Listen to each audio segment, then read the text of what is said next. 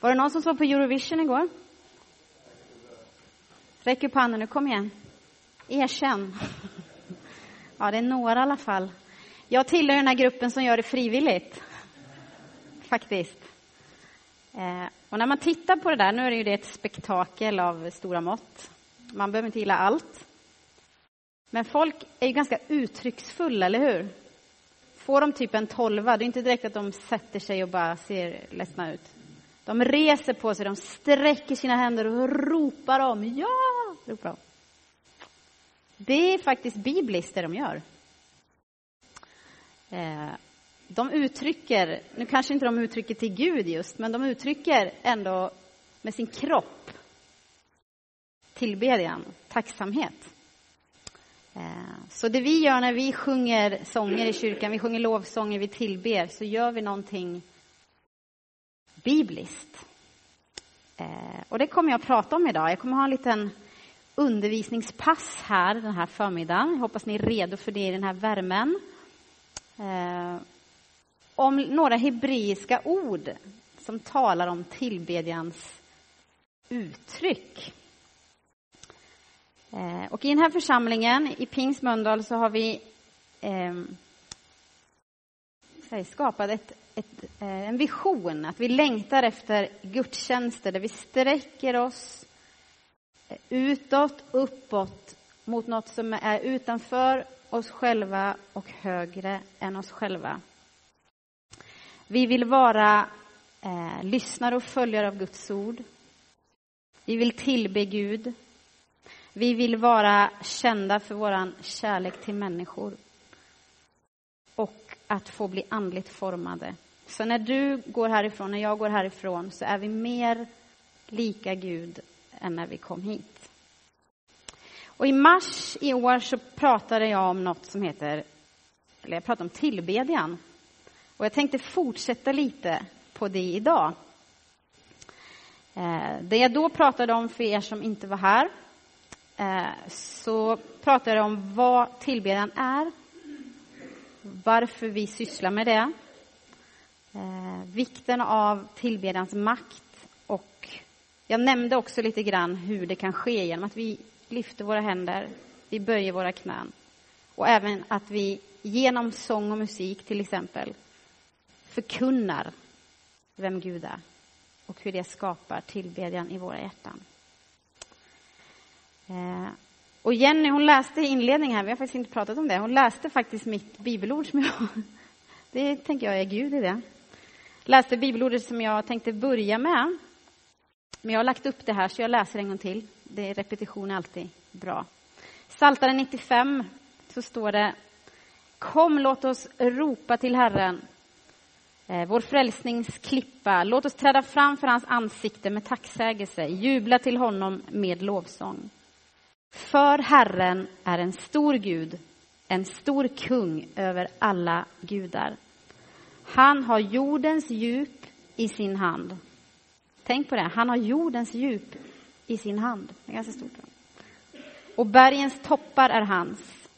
Hans är havet som han har gjort och det torra som hans händer format. Kom, låt oss falla ner och tillbe. Böja knä för Herren, vår skapare. För han är vår Gud och vi är folket i hans jord, fåren i hans vård. I den här salmen så uppmanas eh, läsaren att ropa och jubla till Gud. Att på något sätt i en aktiv handling träda fram inför Gud i tacksamhet. Den engelska översättningen talar om att eh, sing to the Lord, alltså sjung till Herren. Eh, och så fortsätter salmen förklara varför vi ska göra det. Jo, för att Herren är en stor Gud, större än alla andra gudar. Och den fortsätter förklara för oss hur stor Gud egentligen är. Han är skaparen som har jordens djup i sin hand. Sen så fortsätter den med ett annat uttryck. Kom, låt oss falla ner. Böja knä inför Herren, vår skapare. Engelskan här talar om worship, att tillbe Gud, eh, en kneel before the Lord, alltså att gå ner på knä inför Gud. Alltså i bara en psalm så kan man se olika uttryck för tillbedjan. Men det finns ju mängder, många mer uttryck. Och man kan ju undra, undra varför vi gör så. Varför vi rycker våra händer, varför vi böjer våra knän när vi är på gudstjänster. Är det något själv, som vi själva har hittat på? Jag minns så här när jag var tonåring ungefär, då var jag med i en kyrka som var ganska, den var inte så uttrycksfull, det var ganska stilla och lugnt och sådär. Och så vet jag att vi hade vid ett tillfälle hade vi besök av såna här eh, pingstvänner. Och de väsnades alldeles otroligt mycket, tyckte jag. De sjöng högt och när någon annan bad så bad de. Så man hörde inte den som ledde bönen och så här.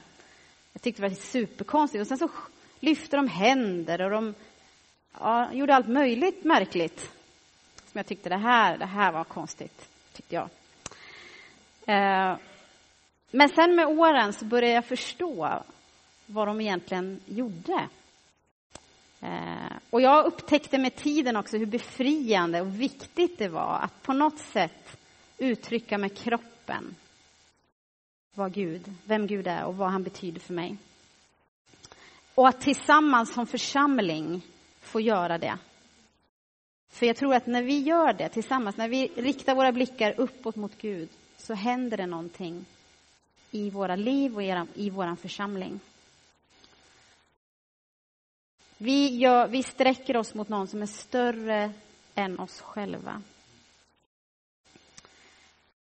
Och vi ska veta det att även om Saltaren innehåller många sådana här eh, salmer som uttrycker uppmaningar att lova Gud, sjung för Herren i glädje, så innehåller Saltaren faktiskt mestadels klagosalmer. Visste ni det? Man tänker, ja, men kan det vara möjligt?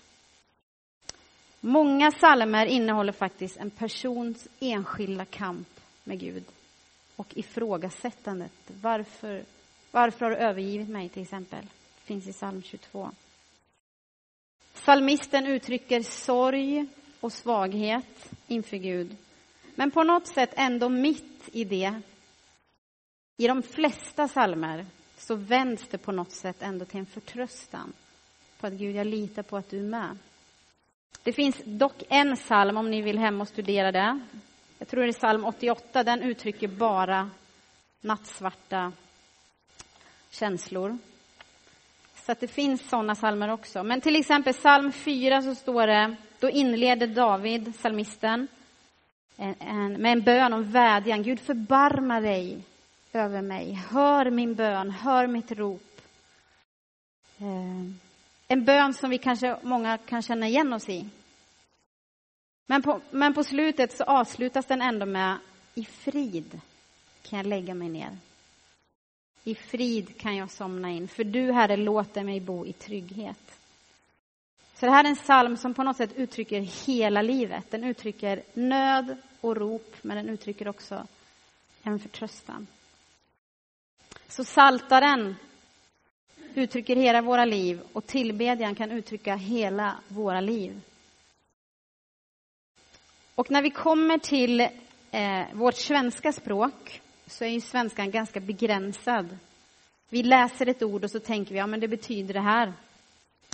Men på eh, Bibelns språk så är ju eh, Nya testamentet är på grekiska och eh, mestadels i Gamla testamentet är på hebreiska. Och, och eh, orsaken till att jag eh, började läsa teologi var mycket för att jag, jag tycker dels det är så fascinerande med språk. Jag älskar ju språk, vet nu en hel del av er. Men eh, att just få läsa vad ett ord betydde i grundtexten. För det på något sätt öppnar upp Bibeln på ett helt nytt sätt. Eh, och det ska jag göra med, tillsammans med er idag. Eh, för att på något sätt ge er Ehm, en, bild av, en kunskap i att det vi håller på med faktiskt är någonting bibliskt. Och ni kommer få några ord. Jag vet inte om min text är för liten här, eller? Den kanske är för liten. Ni får ta förstoringsglas. Ehm. Jag tänker börja med ett ord. Det här var alltså min inledning. Som heter eh, jada. Ska vi se om vi får fram det. Ser ni det? Jada betyder att prisa Gud med lyfta händer. Eh, Psalm 67 säger folken ska tacka dig Gud. Alla folk ska tacka dig. Jada. Det handlar om att hålla ut sina händer, att lyfta sina händer. Engelskan har ordet praise i, i sin text. Det är på något sätt, man blir så överväldigad av någonting så att man kan inte annat än bara slå ut med sina händer så här. Ni vet när ni går på hockeymatch och så vinner favoritlaget. Då står man inte så här va? Ja, ah, kul. Man bara, hur gör man? Woo! Ja, precis. Eh, precis, så är det. Man jublar förhoppningsvis. Man gör en segergest för att man blir så otroligt glad. Det är samma uttryck. Vi lyfter händerna inför Gud och ropar ja, du är så bra. Det är jada. Så du vet när du gör det i, i kyrkan, då är det inget konstigt. Det är helt, helt normalt. Sen finns ett ord som heter halal på hebreiska. Det handlar om att prisa Gud dåraktigt. Eh, jag pratade med tjejerna här inne att de skulle hoppa upp och dansa, men jag, ni får sitta kvar. Det handlar om att, det låter väldigt märkligt, prisa Gud dåraktigt. Hur gör man det? Det hade varit kul att se. Kan ni det, tror ni? Släppa loss. Det handlar om att eh, eh en, en psalm säger så här, pri, de ska prisa hans namn med dans, sjunga hans lov med tamburin och harpa. Eh, att skryta, att översvallande berömma. Det finns massa, massa ord. Det är på något sätt att vara lite galen. Det är väl härligt? Försöka uttrycka lite galenskap ibland. Utifrån det ordet eh, kommer ordet halleluja, som man ofta använder i kyrkan. Och jag utgår faktiskt från, eh, dels från Bibeln i min predikan idag, men jag utgår också från en bok som heter Heligt rop, som just tar upp de här olika uttrycken. Så den här kan man beställa om man vill, kan ni prata med mig efteråt. Och i den här boken så står det så här, tänk dig att israeliterna har samlats, alltså Guds folk. Framför dem stod tiotusentals leviter. Det var alltså en av Israels tolv stammar som skulle sköta musiken bland annat. De spelade och i takt med sången växte en energi som gjorde att folket exploderade i lovprisning. De ropade, skrattade och dansade, hoppade runt med lyfta händer. Det låter väl härligt, va? Ja. Det är så här vi gör på barnkören på tisdagarna ibland. Då hoppas det mycket. Och de sjunger och ropar, eh, sjunger ut väldigt högt. Säger man ta i nu då, då hörs det bort till, jag vet inte, hur långt bort som helst. Och de gillar att dansa och hoppa. Eh, vågar vi göra det här också? Det är frågan. Sen har vi ett uttryck som heter samar som betyder att prisa Gud med musik. Och då står det så här, jag vill, Gud, jag vill sjunga en ny sång till dig. Sjunga ditt lov till tiosträngad lyra. Alltså spela. Använda musiken för att lova Gud. Eh, och samar, det är ord som används genomgående i Saltaren för att beskriva att man skapar eller spelar musik.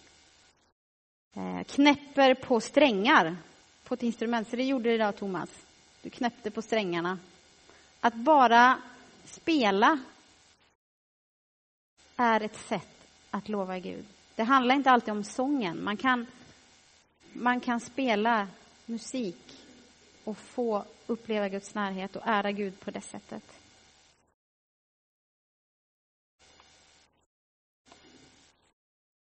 Är ni med mig? Ja. Det finns ett ord som heter barack. Det är inte, alltså inte en barack, ni vet. Det är att prisa Gud på knä. Att böja knä och tillbe Gud. Och det står i Saltaren. Alla kungar ska falla ner för honom, alla folk ska tjäna honom. Må han leva och få guld från Saba, må man ständigt be för honom och välsigna honom dagen lång. Det handlar alltså om att falla ner på knä, att i ödmjukhet böja sig inför Gud. I boken så talar de om att, att eh, i det här uttrycket, till och med de här största kungarna som har allting, som är fyllda av sig själva, de böjer sig inför Gud i ödmjukhet. Och det står även att några experter i så här eh, forntidshebreiska, de menar att ordet har sitt ursprung i att en person höll blicken fäst på kungen samtidigt som man böjde sig ner. Och det kan ju vara lite svårt så här. jag vet inte hur det är med balanssinnet. Man ska titta på en person samtidigt som man böjer sig ner. Har ni sett eh, något av de kungliga bröllopen?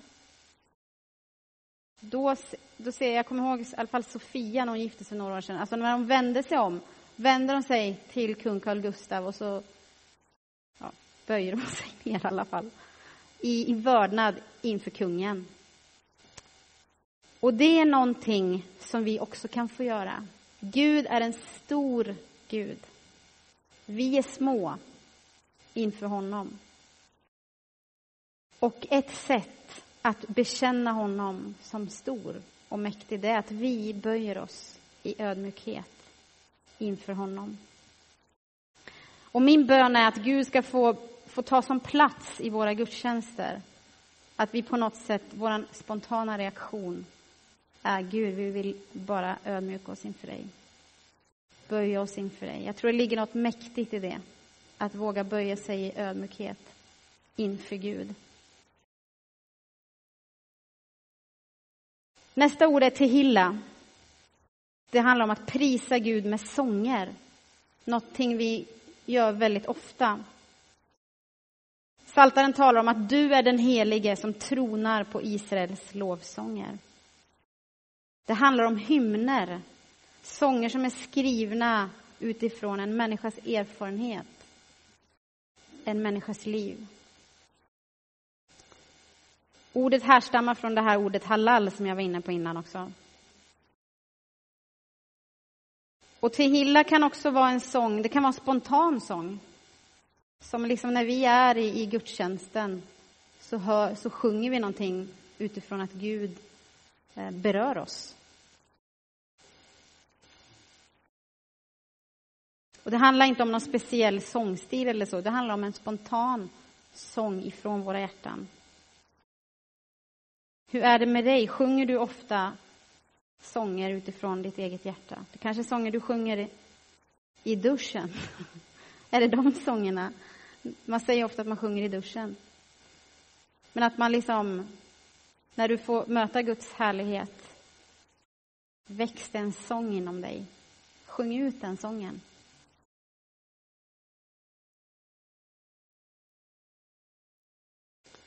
Shabak Prisa Gud med jubelrop. Släkte efter släkte prisa dina verk och förkunna dina väldiga gärningar. Det här ordet talar om att uttala något med hög röst. Att ropa. Eh, och det var vi även inne på tidigare, just det här att, att spontant ropa ut glädje. Eh, jag, är ju väldigt, jag kan ju vara en ganska uttrycksfull person. När jag blir glad så blir jag väldigt glad. Eh, och då ropar jag. och för att gå tillbaka till det här med Eurovision. Jag, ni förstår, jag är ju en sån liten fantast då på detta. Och Carola vann ju 91 bland annat. Hon vann ju 83 också, men hon vann 91. Eh, och då var det så här, det stod mellan henne och Frankrike. Och så var det så spännande att man visste till slut inte vem som hade vunnit, för man hade fått lika många poäng i slutet. Men då kollade de och då var det att hon hade fått mest tior, tror jag det var. Något sånt där. Eh. Och först var det så här, min syster, vi satt i soffan hemma. Och när Carola då får den sista tolvan eller vad, så ställer sig min syster upp, ropar rakt ut och så sätter hon sig ner. Och då hör vi ett knak i soffan. Och mamma blir ju så här, men hallå, skärp er liksom. Men vi bara så här, hon bara var så uttrycksfull och glad. Och sen då eh, när det då kommer fram att Carola faktiskt vann, då gör jag samma sak. Ställer mig upp, ropar högt, sätter mig ner och soffan brakar ihop. Det kanske man kan använda, det är lovsång på dåraktig nivå. Vad sa du? Ja, precis. Eh, men det är ett sätt att uttrycka glädje. Glädjen över Gud och glädjen över frälsning är ju större än det. Att sätta sönder en soffa för Guds skull, det skulle jag nog gärna göra, tror jag. Chris Tomlin är en eh, sångskrivare eller låtförfattare och sångare och lovsångsledare. Han har skrivit en sång som heter Så stor är vår Gud. Eh, och han talar om sin sång utifrån det här ordet. Att prisa Gud med jubelrop, att bekänna vem Gud är. Så stor är vår Gud, sjung med mig, så stor är vår Gud. I den sången proklamerar man och bekänner vem Gud är. Men det finns också ett, ett, eh, en psalm i Saltaren som också uttrycker jubelrop, fast på kanske ett lite annat sätt än man förväntar sig. Psalm 63 säger Gud, du är min Gud. Tidigt söker jag dig. Min själ törstar efter dig. Min själ törstar efter dig i ett torrt land som försmäktar utan vatten. Alltså, sal, eh, sångskrivaren befinner sig i öknen. Men i den här stunden så uttrycker han jubelrop. Han säger, din nåd är bättre än liv. Därför ska mina läppar prisa dig. Jag ska lova dig, Shabak, så länge jag lever.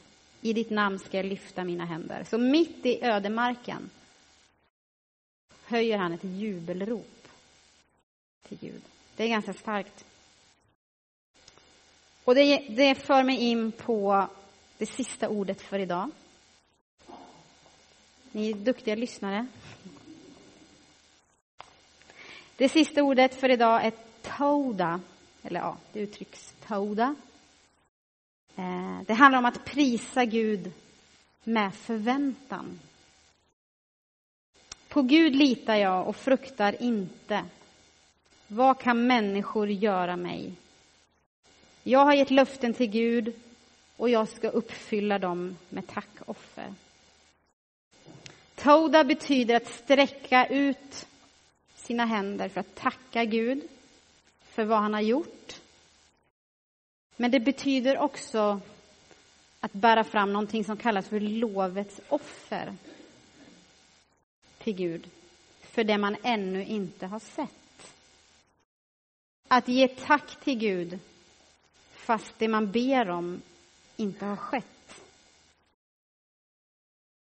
Och det kan vara ganska svårt. Men det ligger en styrka i det. Att säga Gud, jag förstår inte det här. Jag ser inte dina svar. Men jag väljer att lyfta mina händer. Att våga tacka och ära Gud även när vi inte ser.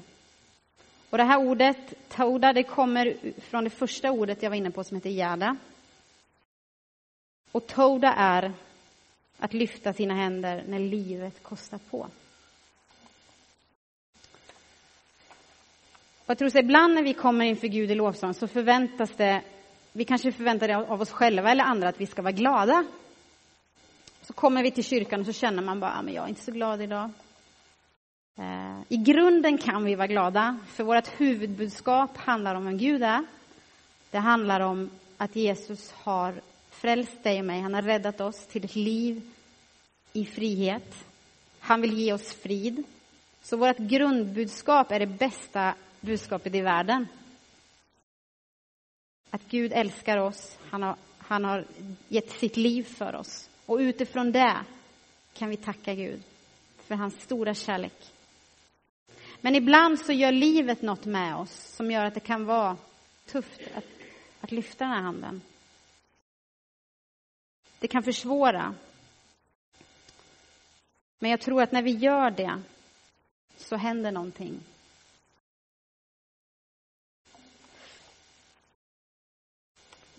Eh, det finns ett engelskt uttryck som jag hittade på Instagram i, häromdagen som står When you enter his presence with praise he enters your circumstances with power. Alltså när du kommer in i Guds närvaro med lovsång och tillbedjan så kommer han in i dina omständigheter med kraft. Jag besökte en församling för några år sedan, lite längre upp i landet. Och det hade precis ganska nyligen hänt ganska tuffa saker i den församlingen. De hade haft två personer som hade tagit självmord inom bara några månader.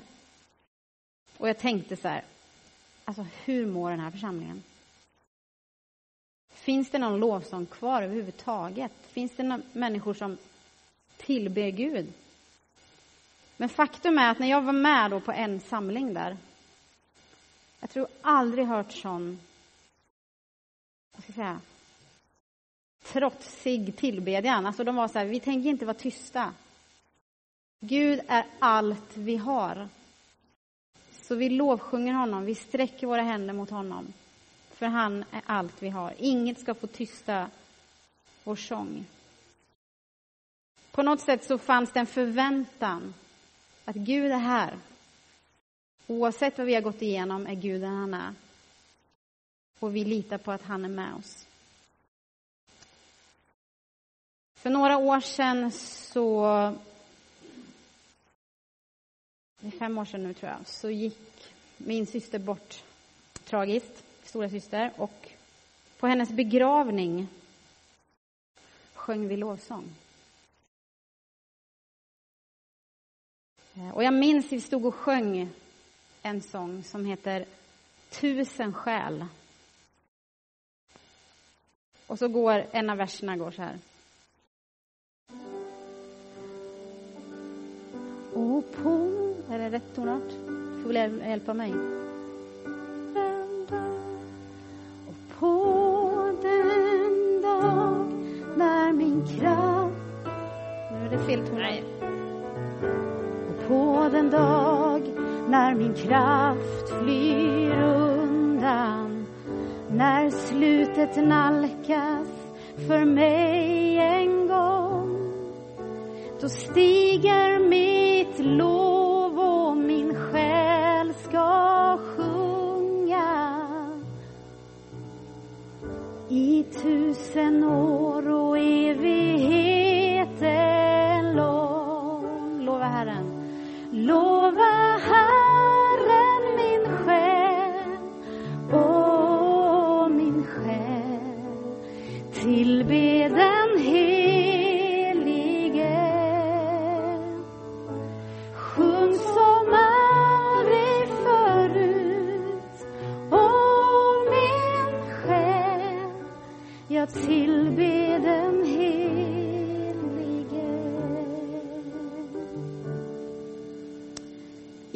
tårarna, bland frågorna, sträckte jag upp mina händer. Inte för att jag skulle vara duktig, men i någon sorts förtröstan och förväntan på att Gud är den han är. Och att han var där. Jag stod inför honom och jag sa, Gud, jag förstår ingenting. Men jag vill lova dig. Och det var, jag minns att det var som att, att stå inför tronen tillsammans med min syster. Det var som, hon var ju redan där. Och vi fick bara vara med i den himmelska lovsången. Och mitt i den situationen, då tändes hoppet igen. Att det här är inte slutet. Det finns ett hopp där framme. Det kostar på just nu. Men jag vill lovsjunga Gud med förväntan. Och precis som det inledande bibelordet så uppmanar Bibeln oss att lova Gud. Främst för den han är, men också för vad han har gjort. Han är den som har skapat dig. Han har gett sitt liv för dig. Och han vill ge dig frid i dina stunder av oro. Så ta en liten stund och tänk. Vad har Gud gjort i ditt liv? Finns det någonting du kan vara tacksam över idag? Fundera på den lite stund. When you enter his presence with praise, he enters your circumstances with power.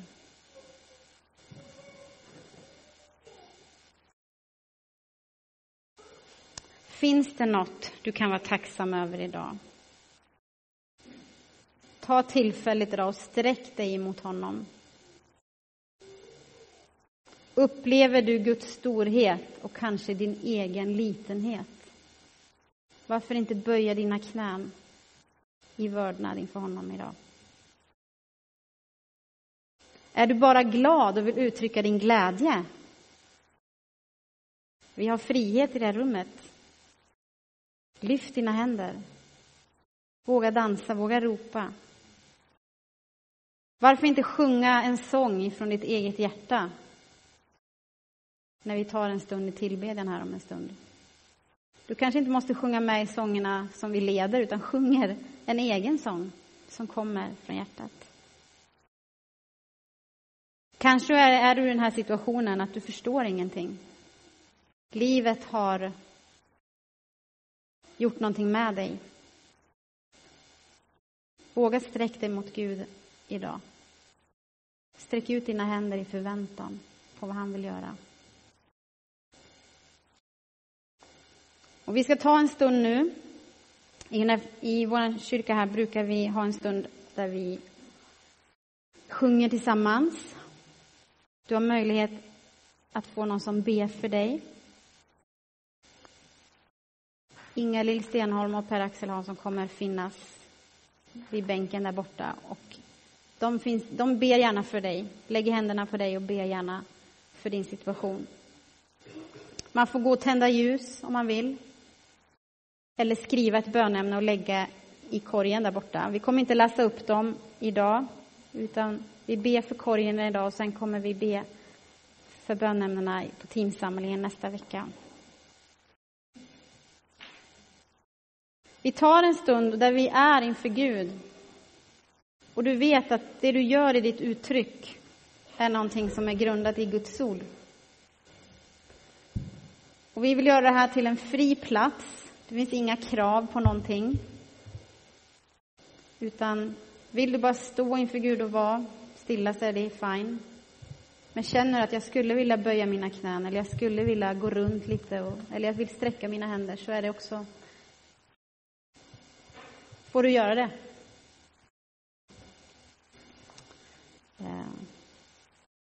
Vi behöver släppa varandra fria att uttrycka vår kärlek och att ta emot inför Gud.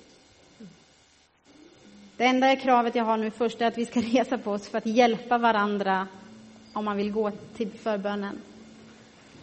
Då gör det det lättare för din bänkgranne att gå till förbön. Så tar vi en stund och bara är inför Gud och tar vara på tillfället. För Gud är här. Jesus, vi tackar dig för att du är här. Tack Jesus för att du längtar efter vår tillbedjan.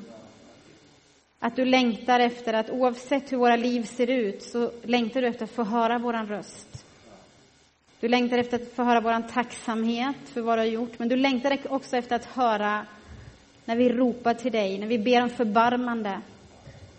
Tack för att du är hela livets Gud och för att den här stunden vill möta oss med din närvaro, Herre. Vi ber om en stund av din frihet, Herre. Frihet i din närvaro.